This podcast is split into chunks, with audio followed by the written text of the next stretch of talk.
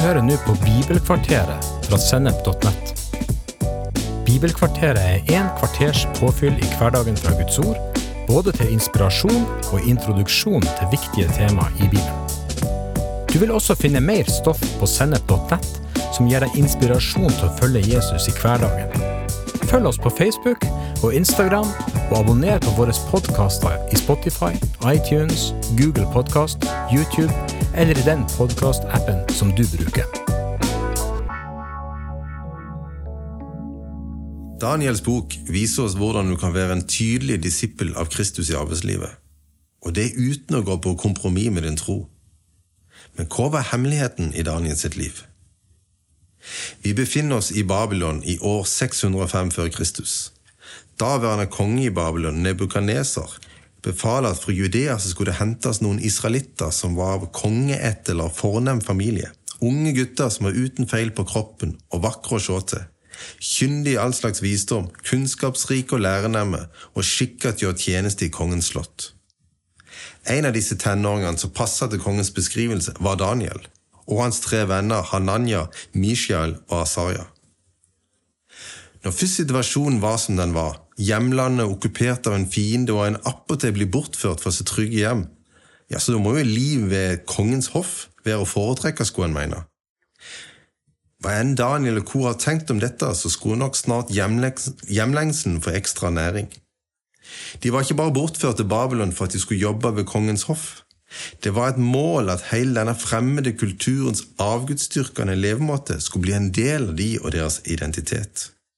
Og her må vi kunne gi kongen og hans hoff litt kred, for de la seg virkelig i selen for at disse unge mennene skulle vende ryggen til deres gudstro og bli integrert i en helt ny kultur. Kongen hadde nemlig planlagt at Daniel og vennene skulle gjennomgå en tre år lang omskolering. Og Denne omskoleringen gikk bl.a. ut på å lære dem språket for at de skulle kunne lese og forstå litteraturen man brukte i Babylon. En litteratur som var sterkt preget av magi, trolldom, besvergelser og astrologi. Videre kan vi lese at de uten å be om det, ble gitt nye navn og presentert for en annen mat enn det de var vant med å spise. Deres opprinnelige navn vitner om deres tro på Bibelens Gud. Eksempelvis betyr Daniel Gud er dommer. De nye navnene bar med seg en referanse til forskjellige babylonske avguder, og maten de ble servert, var i strid med Moseloven og dermed deres tro. Identitet er viktig. Det lar forme mine tanker og definere hvem jeg er, styre mine handlinger. Ordspråkene 23 vers 7 sier, for slik han tenker sitt indre, slik er han. Daniel var mer enn en ung mann født i Judea. Han var en som trodde på Abraham, Isak og Jakobs Gud, altså vår Far i himmelen. Hvem han var og dermed hva han gjorde, var uløselig knytta til hans tro. Det er grunnen til at Daniel og vennene hans verken kunne eller ville spise maten og drikke vinen de fikk servert av kongen. De holdt seg til Guds ord slik det var gitt gjennom Moseloven, og de tok et radikalt valg om å ikke inngå kompromisser bare for å innfri forventninger til samfunnet rundt dem. De fleste kristne utdanner seg for å jobbe i det ordinære arbeidslivet. Med det mener jeg at en tjener Gud på fulltid uten at en verken er prest, pastor eller på annet vis lønner menigheten for jobben en gjør. Det innebærer for mange av oss at arbeidsplassene våre kan være eid og styrt av mennesker som ennå ikke har kommet til tro på Jesus Kristus som Herre. Selv om vi liker både sjefer og kollegaer, vil nettopp det at arbeidsplassen ikke har troen på Gud som grunnlag, kunne føre oss opp i situasjoner og stille oss på valg som utfordrer oss som kristne. Det kan være utfordringer hvor en må velge å gå mot strømmen på arbeidsplassen ved å stå for hele sannheten fremfor å pynte på det. Det kan være måten en håndterer arbeidsgivers penger og eiendom på, at en ikke lar seg friste til å stjele eller på annen måte misbruke tilliten en er blitt gitt. Det kan også være ideologiske spørsmål, som eksempelvis at arbeidsplassen fronter et annet syn på samliv og kjønn enn du som kristen gjør. Guds ord sier at å frykte Herren er opphavet til visdom. Daniel og vennene fikk visdom når de valgte lydighet til Gud framfor tilpasning til samfunnet rundt. De valgene førte med seg Guds velsignelse i arbeidet deres. Det står at Gud ga de fire guttene kunnskap og kyndighet i alle skrifter og all slags visdom, og Daniel skjønte, skjønte seg på alle slags syner og drømmer. Denne gudfryktige vennegjengen ble de beste nyansettelsene ved kongens hoff. I Daniel kapittel 2 står livet i fare for en rekke mennesker. Grunnen er at ingen av rikets vise menn kunne gjenfortelle og tyde kongens drøm. Gud hadde allerede velsigna Daniel med gaven til å forstå alle slags syner og drømmer. Men de babylonske spirituelle forsto ikke at Daniel tyder syner og drømmer gjennom åpenbaring fra Gud som svar på bønn. Derfor regna de ikke med at Daniel eller vennene hans kunne hjelpe kongen når ikke de kunne det sjøl. Dermed var også Daniel og vennene hans liv i fare. Så er det Daniel igjen står opp og demonstrerer sin tillit til Gud. Han snakka med kloke og velvalgte ord til sjefen for kongens livvakt, som hadde fått i oppdrag å utføre de forferdelige oppgavene med å drepe alle vismennene i Babylon. Han spurte om å få litt tid på seg, og begynte sammen med vennene sine å søke Gud for svar på kongens drømmer. Og svar fikk de. Vi leser i Daniel 2 vers 23 at Daniel takker Gud og sier deg, min fedres Gud, takker og priser jeg, for du har gitt meg visdom og styrke. Nå har du gjort kjent for meg det vi ba om, det kongen vil vite, har du gjort kjent for oss. Dermed både gjenfortalte Daniel kongens drøm og ga han forklaringen på hva drømmen betydde. Som kristne arbeidstakere kan vi være en ekstra ressurs for vår arbeidsgiver. Ikke fordi vi nødvendigvis er bedre til å utføre arbeidsoppgavene enn våre kolleger, men fordi vi kjenner Gud. Du og jeg kan be til Gud for våre kolleger. Vi kan be til Gud for utfordringer arbeidsplassen vår måtte stå overfor, og vi kan forvente at Daniels Gud svarer og ofte leder oss til å være en del av svaret til velsignelse for arbeidsplassen.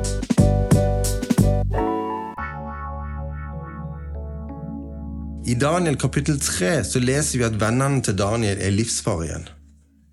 De nekter å tilbe kongen ved å bøye seg for statuen han har reist av seg sjøl. Det ender med at de blir kasta i ildovnen, som blir gjort sju ganger varmere enn den var til vanlig. Men igjen så møter vi Guds trofasthet. Det står at en fjerde mann kom til syne inn i ovnen. Denne mannen så ut som en gudesønn. Det gjør at kongen til slutt befaler at mennene skal komme ut av ovnen. Og når de tre vennene kom ut, var verken klær, hud eller håret deres merka av flammene. Det lukta ikke engang brent av de. Gud hadde igjen gjort et under og vist at han er til å stole på.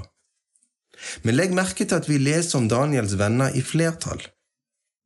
Når denne livsfarlige utfordringen kom deres vei, var de tre gudfryktige menn som tok et valg om å stå sammen opp for sin tro. Å være en kristen betyr at du blir en del av et stort vi. Bibelen omtaler menigheten som en familie, der vi er hverandres søsken. Vi beskrives også som en kropp der hver enkelt av oss er uløselig knytta sammen til hverandre og til Kristus. I 1. Korinterne 12,26 sier Guds ord at om ett lem lider, lider alle andre med. Romerbrevet 12,5 sier på samme måte er vi alle én kropp i Kristus, men hver for oss er vi hverandres lemmer. Det betyr blant annet at et bibelsk kristenliv innebærer at jeg involverer meg i andre kristne og la de få involvere seg i meg, også når det kommer til det som er vanskelig. Du skal få slippe å stå alene under press. Enten presset kommer fra arbeidsgiver, kollegaer eller andre.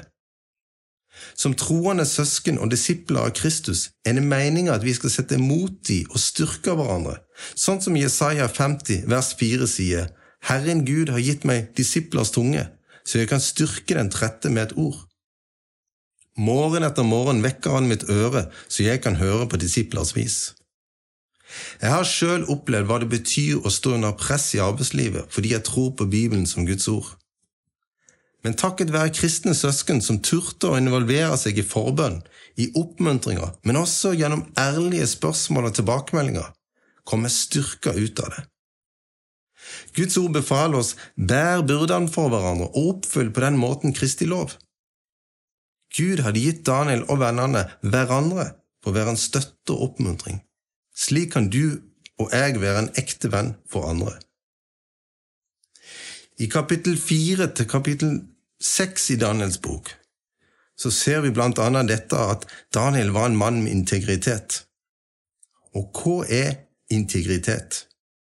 Jo, integritet er det Jesus snakker om i Matteus 5, 37, hvor han sier la et ja være ja og et nei være nei. Alt som er mer enn det, er av det onde. Integritet er når du gjør det du sier. Integritet er når du ikke går på kompromiss med hva du tror på.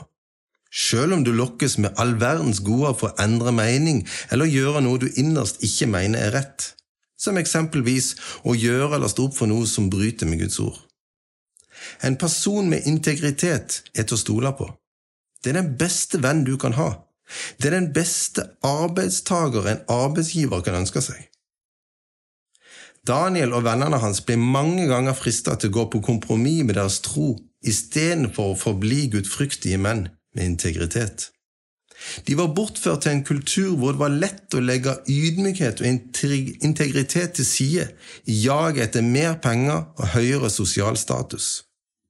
Men Bibelen forteller oss at de gang på gang valgte integritet, selv om prisen noen ganger var høy. Resultatet ble Guds velsignelse, sånn som Salme 112 sier. Halleluja, salig den som frykter Herren, har glede i Hans bud. Hans ett blir mektig i landet. Den rettskaffende slekt blir velsigna. Det er velstand og rikdom i hans hus. Hans rettferd skal alltid bestå. Lyset bryter fram i mørket for de rettskaffende, for den som er nådig, mild og rettferdig. Det går godt med den som er villig gi lån, den som skjøter sine saker rett. Han skal aldri i evighet vakle, den rettferdige blir alltid husket. Daniel og vennene blir velsigna med stadig høyere og mer innflytelsesrike posisjoner på grunn av at deres gudsfrykt gjorde de til personer med integritet som levde ut sin tro. Å være personer med integritet er mulig for deg og meg også. Nøkkelen til sånt liv er det samme for oss som det var for Daniel. I kapittel 6 vers 11 så leser vi at så snart Daniel fikk vite at skrivet var satt opp, gikk han hjem. I, tak, i takkammeret hadde han åpne vinduer som vendte mot Jerusalem. Tre ganger om dagen falt han på kne på sin Gud med bønn og lovprisning, for slik hadde han alltid gjort. Daniel hadde innarbeidet en åndelig disiplin i hverdagen sin. Han bøyde seg for Gud i bønn og lovprisning. Og her ligger hemmeligheten til at motgangen han møtte, ikke gjorde han inneslutta og bitter. Det var altså hemmeligheten til at fremgangen ikke gjorde han til en stolt mann som jaga etter mer rikdom og berømmelse. Hos Gud ser vi at han er kilden til alt vi trenger. Guds ord og Hans nåde former og utruster oss til å være personer med integritet. Det holder oss ydmyke, lære og tjenestevilje, egenskaper enhver arbeidsgiver vil se etter. Har du først lært å bøye deg for Kristus som Herre, er det lettere å være en person kjennetegnet av integritet. Det er fordi at når han har lært å bøye seg for Kristus som Herre, har han også lært å leve i gudsfrykt og med det følger altså integritet. Som kristne så er vi lojale og pliktoppfyllende arbeidstakere fordi vi i første rekke er disipler av Kristus. Derfor snakker vi åpent og sant om sjefen. Vi bidrar aktivt for å skape et sunt og trygt arbeidsmiljø rundt oss. Disipler av Kristus er personer enhver arbeidsgiver vil juble over å ha i staben.